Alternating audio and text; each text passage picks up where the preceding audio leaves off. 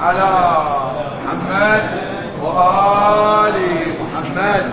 اللهم صل وسلم على محمد وآل محمد. وعجل. كون على.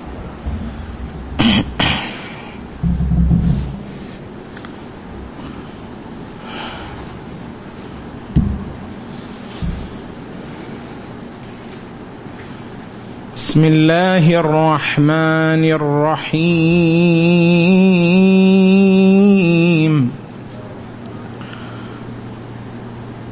إن الله وملائكته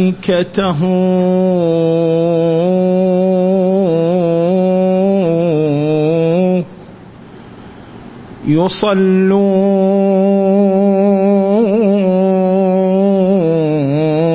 على النبي. يا أيها الذين آمنوا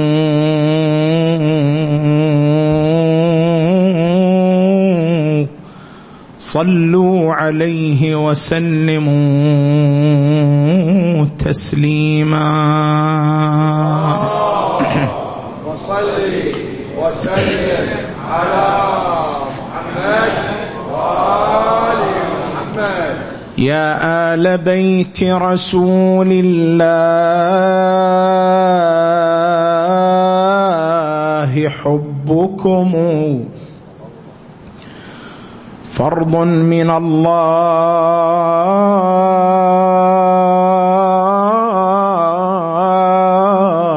الله في القرآن أنزله كفاكم من عظيم الشأن أنكم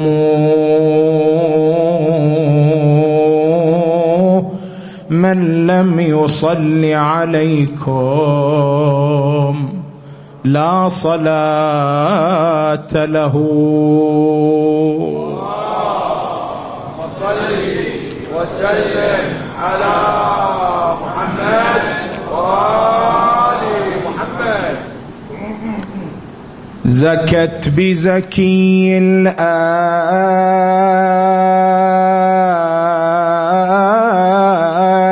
أنفاس شيعة. زكت بزكي الآل أنفاس شيعة. بشهر العطايا.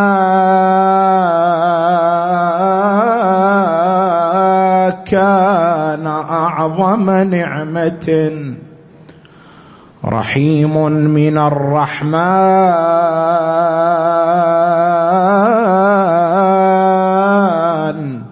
في شهر رحمة. وما الحسن الزاكي سوى فرع دوحة تغطي على الآباد أغصانها الخضر وصلي وسلم على محمد وآل محمد لعشاقه لعشاقه.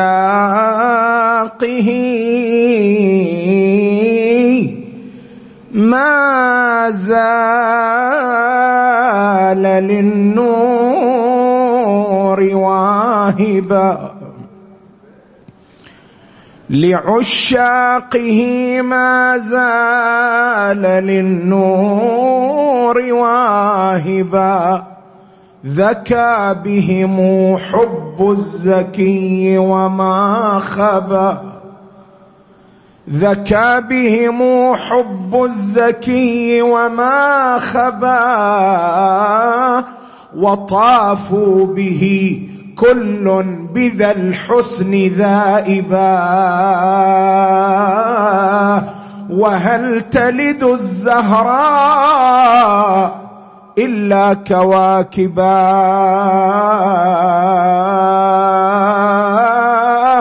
تدور على أفلاكها الأنجم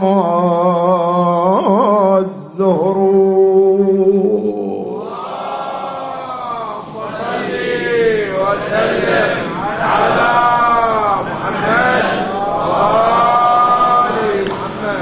زجاجة قدس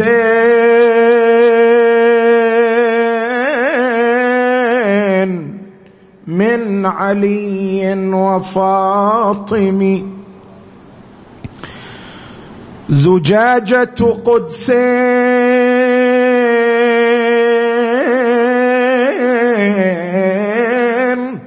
من علي وفاطم تألق مصباح بها متعاليا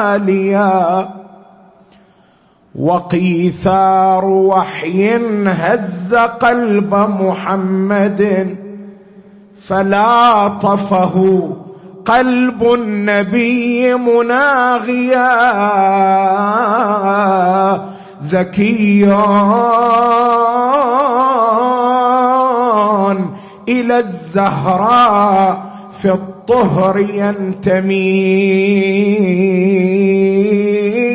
وهل تلد الزهراء إلا الزواكيا اللهم صل وسلم على محمد وآل محمد زجاجة قدس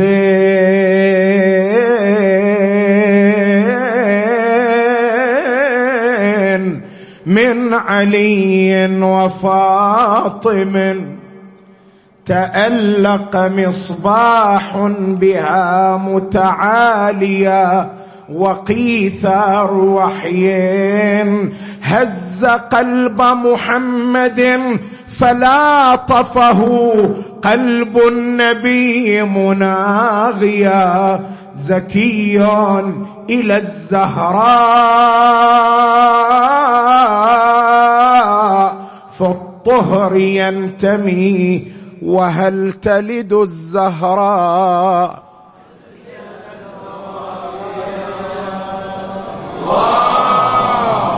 صل وسلم على محمد وآل محمد قال الله العظيم في محكم كتابه الكريم. بسم الله الرحمن الرحيم. فتعالى الله الملك الحق. لا إله إلا هو رب العرش الكريم. آمنا بالله. صدق الله العلي العظيم.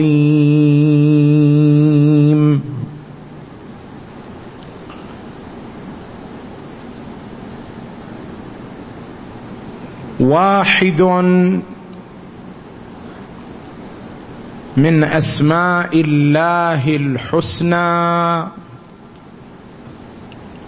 هو اسم الكريم. لا إله إلا هو رب العرش الكريم. يا أيها الإنسان ما غرك بربك الكريم. فالكريم اسم من أسمائه والكريم لقب من ألقاب سيدنا وإمامنا أبي محمد الحسن الزكي صلوات الله وسلامه عليه. فالله هو الكريم والإمام الحسن هو كريم آل محمد.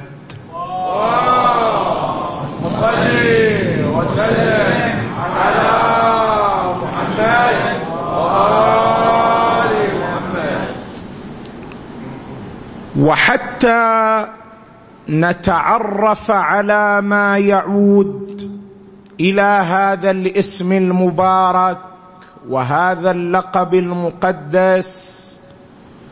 نقف وقفات. الوقفة الأولى ما هو المراد من الكريم وما هو المراد من الكرم؟ الكرم بحسب المفهوم العرفي المتداول في الأذهان العامة هو عبارة عن ملكة الجود والسخاء والعطاء. فعندما يكون الإنسان سخيا معطاء يقال عنه بأنه إنسان كريم. ولكن الكرم ليس هو هذا. بل هذا اختزال لمفهوم الكرم وتضييع لحقيقة الكرم ومفهومه. الكرم ليس هذا. الكرم شيء أعظم شيء أكبر والكريم شيء أكبر وشيء أعظم من هذا الوصف المختزل الضعيف. ما هو المراد من الكريم؟ الكريم مأخوذ من كرم بمعنى نفس وعز وتميز. عندما يكون الشيء نفيسا عزيزا وله خصائص ليست لغيره يتميز بها على غيره. يقال لذلك الشيء بأنه ماذا؟ كريم. الكريم الموجود الشريف النفيس العزيز الذي له خصائص ليست لغيره. انت الآن من تقرأ القرآن المبارك. ويتحدث الله سبحانه وتعالى في القرآن عن القرآن. ماذا يقول عن القرآن؟ وإنه لقرآن كريم. شنو معنى قرآن كريم؟ قرآن كريم يعني الكتاب النفيس الذي لا نظير له في خصائصه. لا نظير له في الكتب السماوية فضلا عن غيرها من الكتب. فلا توراه ولا زبور ولا إنجيل ولا ولا تضاهي القرآن فضلا عن غيرها من كتب المعارف البشرية والعلوم الطبيعية. وإنه لقرآن كريم. أي أنه الكتاب العزيز النفيس الذي لا يشاركه كتاب آخر في خصائصه. هذا المعنى للكريم. أيضا نحن نستخدمه في الاستعمالات العربية العرفية المحاورية المتداولة. هذا الاست... هذا المعنى أيضا نستخدمه. أنت إذا عندك حجر عقيق فيروزج غير ذلك. ويكون لهذا الحجر خصائص قيمة تجعله مميزا على غيره. تقول هذا حجر كريم كريم أي نفيس له خصائص وجودية تميزه عن غيره. اذا المراد من الكرم النفاسه والعزه والندره والتميز بخصائص لا تكون للغير لا تكون للآخر. لذلك القرآن أكو بي لفتة تربوية رائعة جدا. وين هذه اللفتة الموجودة التربوية؟ هذه اللفتة الموجودة هذه اللفتة القرآنية موجودة في ما يرتبط بآداب التعامل مع الأبوين. فلا تقل لهما أف ولا تنهرهما وقل لهما قولا كريما. بديع القرآن. وقل لهما قولا كريما. يعني أنك إذا تكلمت مع أبويك مع أمك مع أبيك فلتكن عباراتك عبارات مميزة. فلتكن عباراتك عبارات متقنة. فلتكن عباراتك عبارات يختصان بها. لا تتكلم معهما كما تتكلم مع أصدقائك. لا تتكلم معهما كما تتكلم مع سائر الناس. الأبوان لهما مقام يميزهما عن جميع الناس. ولذا إذا أردت الكلام معهما فلتقل قولا ماذا؟ كريما مميزا نفيسا له خصائص يختلف بها عن بقية الكلام مع الآخرين من, من الناس. شلون انت من تكلم العالم المرجع؟ تكلمه بلغة خطاب معينة تناسب مقامه. شلون انت من تكلم مثلا صاحب المقام الاعتباري آه، أمير أو حاكم تكلمه بكلام يناسب شأنه الاعتباري. أيضا الأبوان عندما تتكلم معهما لا يكن كلامك معهما ككلامك مع سائر الناس. وقل لهما قولا كريما. اجعل العبارات متقنة اجعل العبارات بديعة اجعل العبارات معهما مميزة مختلفة عن الكلام مع سائر الناس. اذا المتحصل عندنا من الوقفة الأولى أن المراد بالكرم والكريم هو الشخص الشريف النفيس الذي يتمتع بخصائص ليست لغيره. هذه وقفة. انجي إلى الوقفة الثانية إلى الذات الإلهية المقدسة. فتعالى الله الملك الحق. لا إله إلا هو رب العرش الكريم. شنو معنى أن الله سبحانه وتعالى هو الكريم؟ الله تعالى هو الكريم على طبق المعنى الذي ذكرناه الكريم بلحاظين. لحاظ الأول الكريم بلحاظ ذاته المقدسة. فإن ذاته المقدسة ذات متفردة بالوحدانية لا نظير لها. فإذا أنت عندك شيء نفيس لا نظير له. تقول عنه كريم. فما بالك بالذات الإلهية المقدسة التي لا نظير لها؟ لذلك القرآن يقول مو فقط كريم كريم وأكرم.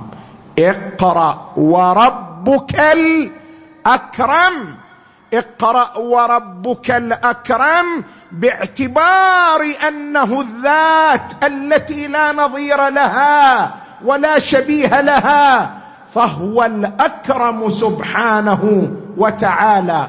كريم بل أكرم سبحانه وتعالى.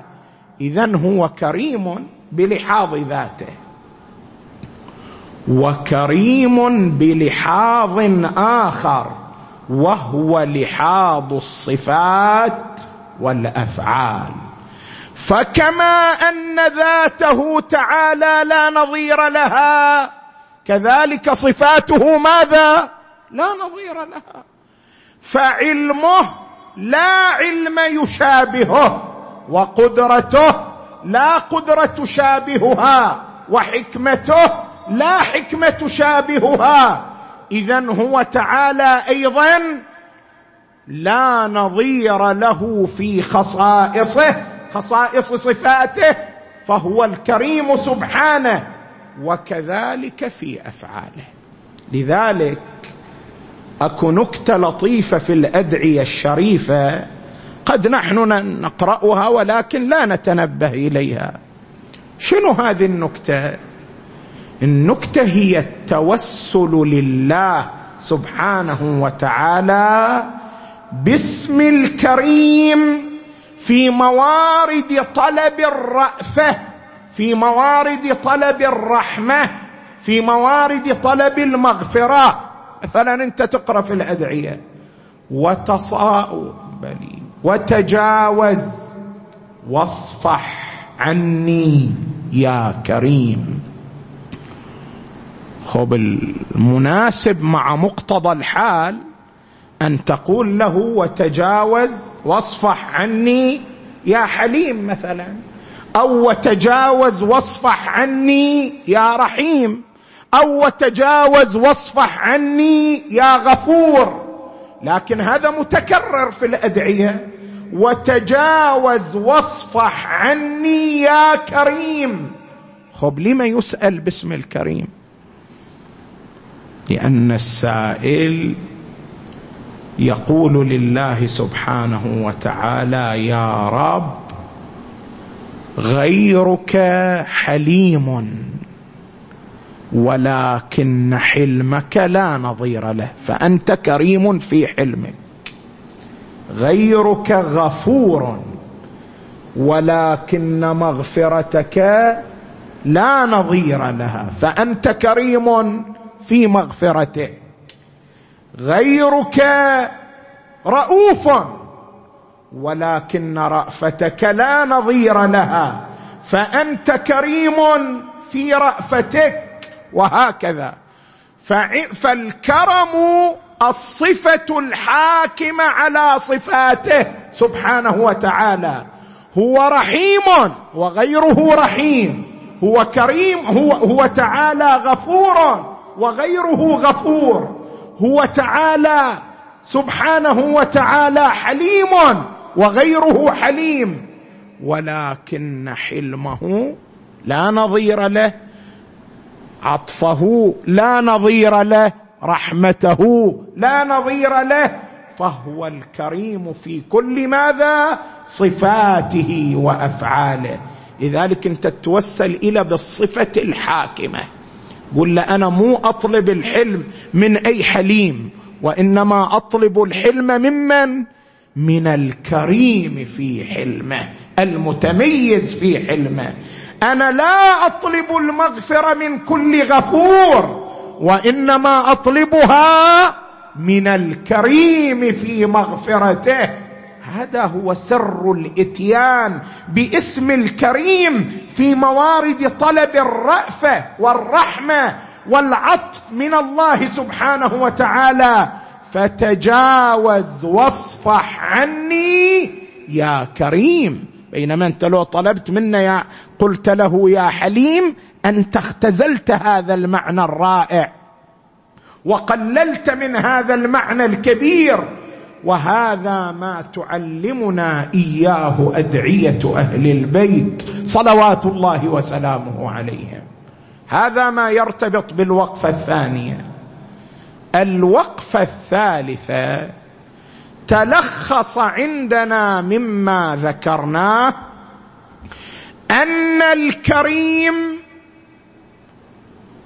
هو من سمت ذاته وعزت وتميزت صفاته وأفعاله. شنو النتيجة المترتبة على هذا؟ النتيجه المترتبة على هذا أن ما هو السائد في أذهاننا من أن الكرم إنما هو الجود والسخاء والعطاء ما هو إلا تضييق للمفهوم الواسع للكرم وخنق للمفهوم الكبير للكرم. كرم مو مسألة واحد يعطي. لا. الكرم مسألة تميز. الكرم مسألة نفاسه في الصفات والأفعال. وانت لما تقول عن الله سبحانه وتعالى كريم في عطائه في جوده فهذا إنما هو إشارة إلى أنه لا نظير له في هذه الصفة وفي هذا الفعل. ولذلك هو كريم سبحانه وتعالى. الله هو الكريم على الإطلاق. كريم على الإطلاق إذا أردنا أن نفسر الكرم بالجود والسخاء. يعني من هذه الزاوية. إذا أردنا أن نلاحظ الكرم من ناحية الجود والسخاء فالله هو الكريم على الإطلاق. لما؟ لأن غيره وإن كان سخيا وإن كان جوادا. ولكن سخاءه وجوده محدودان. كما أن غيره وإن كان سخيا وإن كان جوادا إلا أن سخاءه وجوده إنما يكون في موارد المسألة أو في موارد الاستحقاق.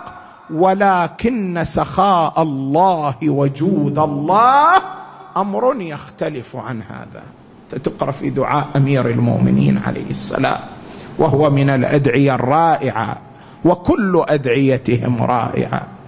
إلهي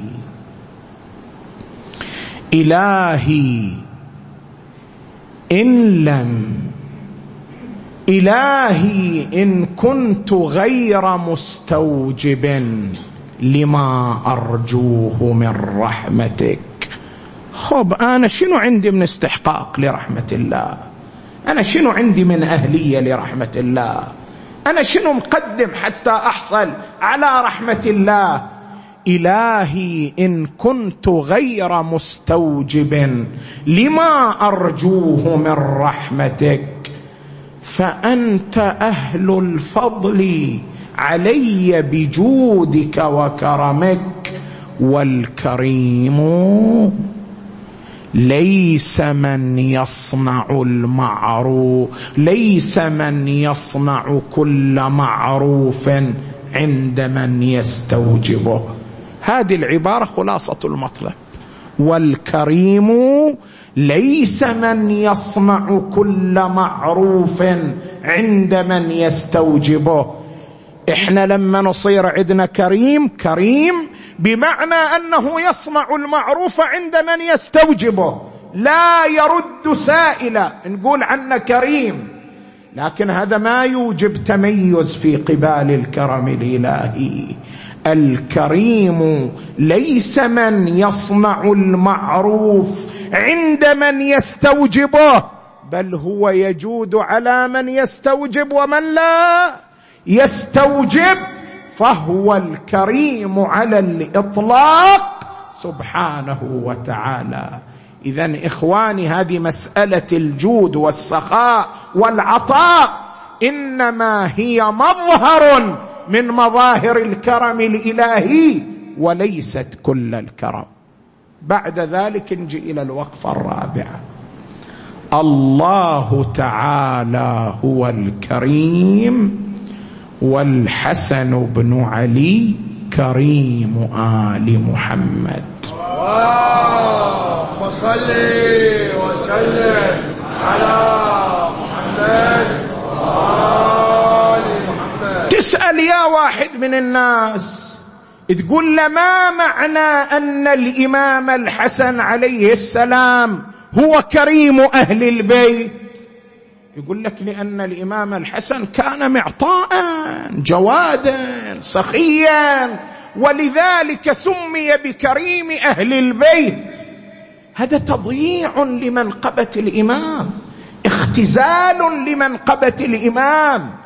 الإمام الحسن عليه السلام كريم أهل البيت أي أنه الذات النفيسه العزيزه التي لا نظير لها في خصائصها وصفاتها. هم ذاته هم صفاته وافعاله تعال إلى ذاته ذاته المقدسة. من يجي يتحدث الإمام الصادق عليه السلام عن الإمام الحسن ماذا يقول؟ حدثني أبي عن جدي قال لقد كان العمي الحسن عليه السلام أو جدي الحسن أو ما بهذه أنا الآن أشك في ذلك. لقد كان الحسن بن علي لقد كان الحسن بن علي أعبد أهل زمانه وأزهدهم وأفضلهم. هذه الرواية من يجي يتحدث فيها الإمام زين العابدين هي ما تعني مفهوم الكرم شنو معنى أن الإمام الحسن كريم أهل البيت؟ يعني أنه كان الذات النفيسة في زمانه التي لا نظير لها فهو أعبد أهل زمانه ولا نظير له في العباده وهو أفضل أهل زمانه ولا نظير له في الفضل. وهو أزهد أهل زمانه ولا نظير له في الزهد.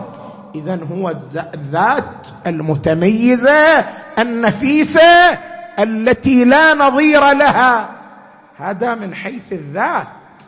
وكذلك من حيث الأفعال والصفات. كانت أفعاله وصفاته لا نظير لها في زمانه. ما تسمع شنو يقول مروان بن الحكم؟ عليه لعنة الله. مروان بن الحكم عدو الإمام. فلما توفي الإمام الحسن وحمل سريره المبارك ممن شارك في حمل سرير الإمام مروان. فقال له أحد الحاضرين أتحمل اليوم سريره وقد جرعته الغيظ بالأمس. لا ألفينك بعد الموت تندبني وفي حياتي كم جرعتني زادا. أنا شقد متحمل من عندك؟ تالي من أنا أموت تجي تبكي بجنازتي أتحمل سريره اليوم وقد جرعته الغيظ بالأمس؟ شنو جاوب مروان؟ كان الجواب حاضرا.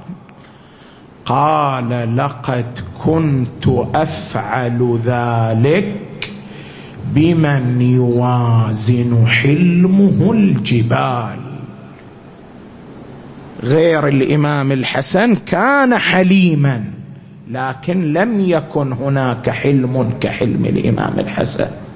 غير الإمام الحسن كان كريما لكن لم يكن يعني سخيا لكن لم يكن هنالك سخاء كسخاء الإمام الحسن. نحن أناس نوالنا خضلوا. يرتع فيه الرجاء رجاء الراجين وأمل المؤملين. كله يرتع في نوال الإمام الحسن. نحن أناس. يعني هذه الدنيا كلها معمورة كلها الخلق كلهم. عندهم رجاء للعطايا لو ما عندهم عندهم. عندهم أمل في العطية لو ما عندهم. عندهم. هذا كله الآمال والرجاءات عند البشرية كلها ترتع في نوال الإمام الحسن. نحن أناس نوالنا خضل. يرتع فيه الرجاء والأمل. يحيا الأمل والرجاء في نواله. تجود قبل السؤال أنفسنا. خوفا على ما وجه من يسلو لو علم البحر فضل نائلنا لغاض من بعد فيضه خجل. أكو واحد كل العالم يؤملون ويرجون منه. كل العالم تحيا آمالهم ورجاءاتهم في نواله. خذ لك انت ذول الكرماء والأسخياء في كل العالم. بالنتيجة الذين يؤملون في نواله مجموعة ويستفيدون من نواله مجموعة. أما أن الخلق تحيا آمالهم ورجاؤهم في نواله فهذا ليس إلا للحسن الزكي. نحن أناس نوالنا خضل يرتع فيه الرجاء والأمل اذا هو كريم في حلمه. وهو كريم في ماذا؟ في سخائه وفي جوده. صلوات الله وسلامه عليه. اذا إخواني من نقول الإمام الحسن كريم أهل البيت. لنختزل هذا المضمون. في مجرد سخاء وجود ونستشهد عليه ببعض القضايا لجود الإمام الحسن وسخائه بل الإمام الحسن كريم أهل البيت أي الذات النفيسه التي لا نظير لها في خصائصها وأفعالها وهذه منقبة من مناقبه عليه السلام. اللهم صل على محمد وآل محمد. اللهم صل على محمد وآل محمد.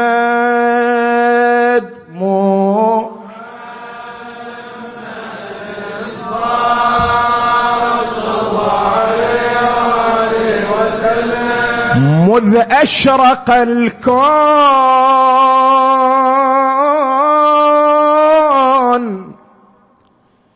بنور المجتبى مذ أشرق الكون بنور المجتبى. النير الأعظم نوره خبا. يخبو لو ما يخبو هو شنو أصلا؟ وإنما سطع ببركة نور الحسن عليه السلام. مذ أشرق الكون بنور المجتبى النير الأعظم نوره خبا فنوره القاهر للأنوار.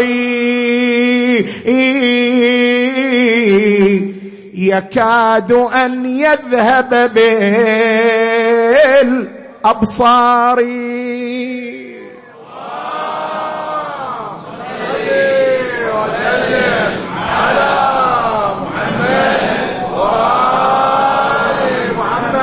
مذ أشرق الكون بنور مجتبى النير الأعظم نوره خبا فنوره القاهر للأنوار يكاد أن يذهب بالأبصار. وادي طوى بنوره استنارا ومنه آنس الكليم نارا.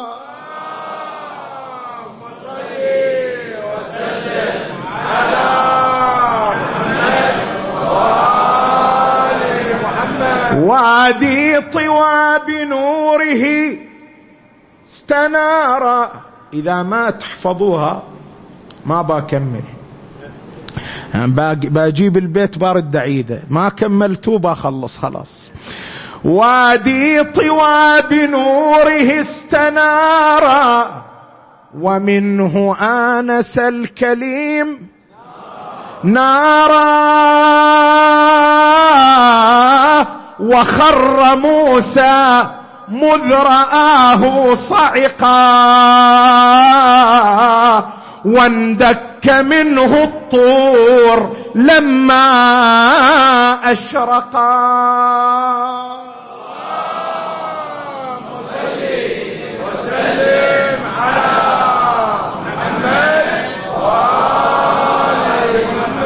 وخر موسى مذ رآه صعق واندك منه النور لما أشرقا بشراك يا حقيقة المثاني بواحد الدهر بغير. صار الكريم لو ما صار الكريم. هذا معنى الكريم هو هذا.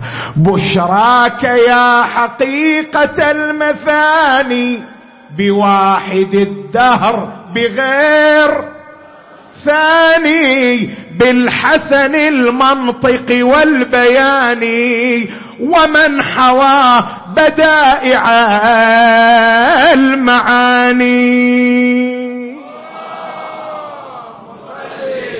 وسلم على محمد وآل محمد بشراك يا حقيقة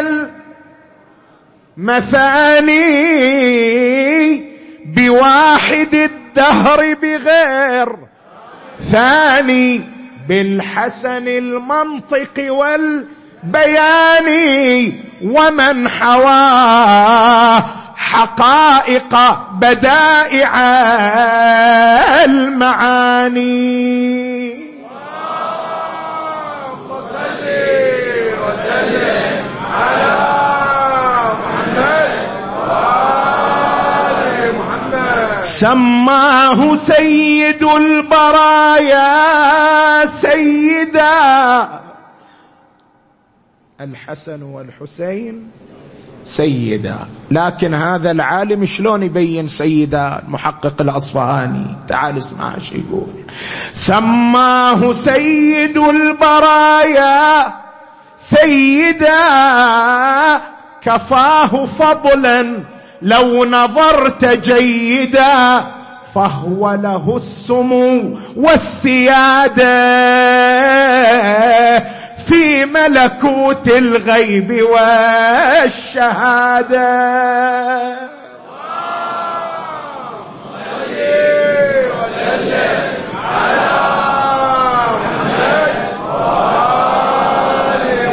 سماه سيد البرايا. سيدا كفاه فضلا إن نظرت. جيدا فهو له السمو والسياده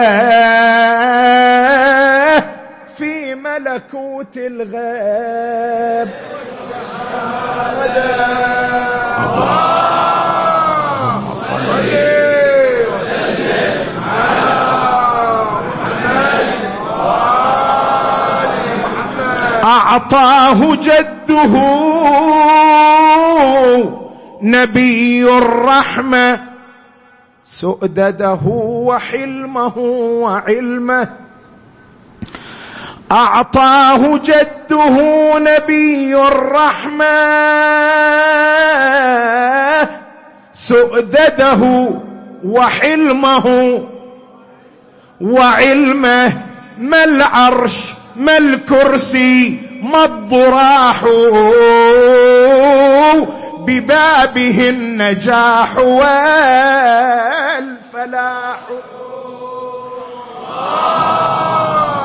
صل وسلم على محمد وآل محمد ما العرش ما الكرسي ما الضراح ببابه النجاح والفلاح بل هو باب حطة الذنوب وعنده مفاتح الغيوب بل هو باب حطة الذنوب وعنده مفاتح الغيوب وآية النور جمال غرته. وجنة الخلد مثال وجنته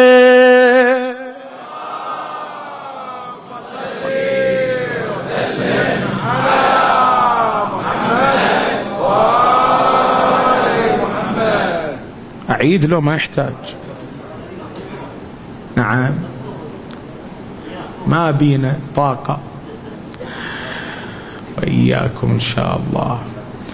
ما العرش ما الكرسي ما الضراح ببابه النجاح والفلاح بل هو باب حطة الذنوب وعنده مفاتح الغيوب وآية النور جمال غرته وجنة الخلد.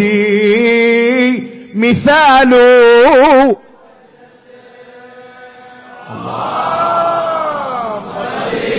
وسلم على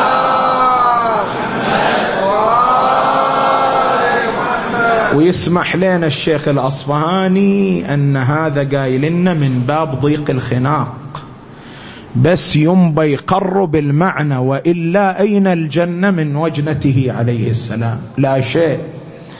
هذا من باب ضيق الخناق قاله قدس الله نفسه. بس أريد يقرب المعنى وإلا لا قياس. وآية النور جمال غرته وجنة الخلد مثال. وجنته زكت ثمار العلم بالزكي أكرم بهذا الثمر الجني واهتزت السبع العلا لمولده وطابت الأرض بطيب محتده.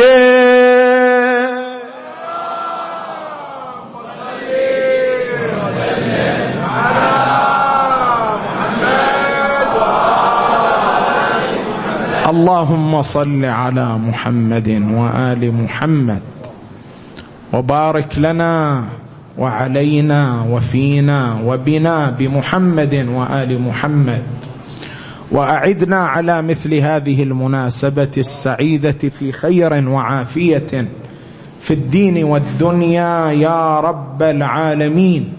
اللهم إنا نسألك ونقسم عليك بكريم أهل البيت الإمام الحسن بن علي المجتبى.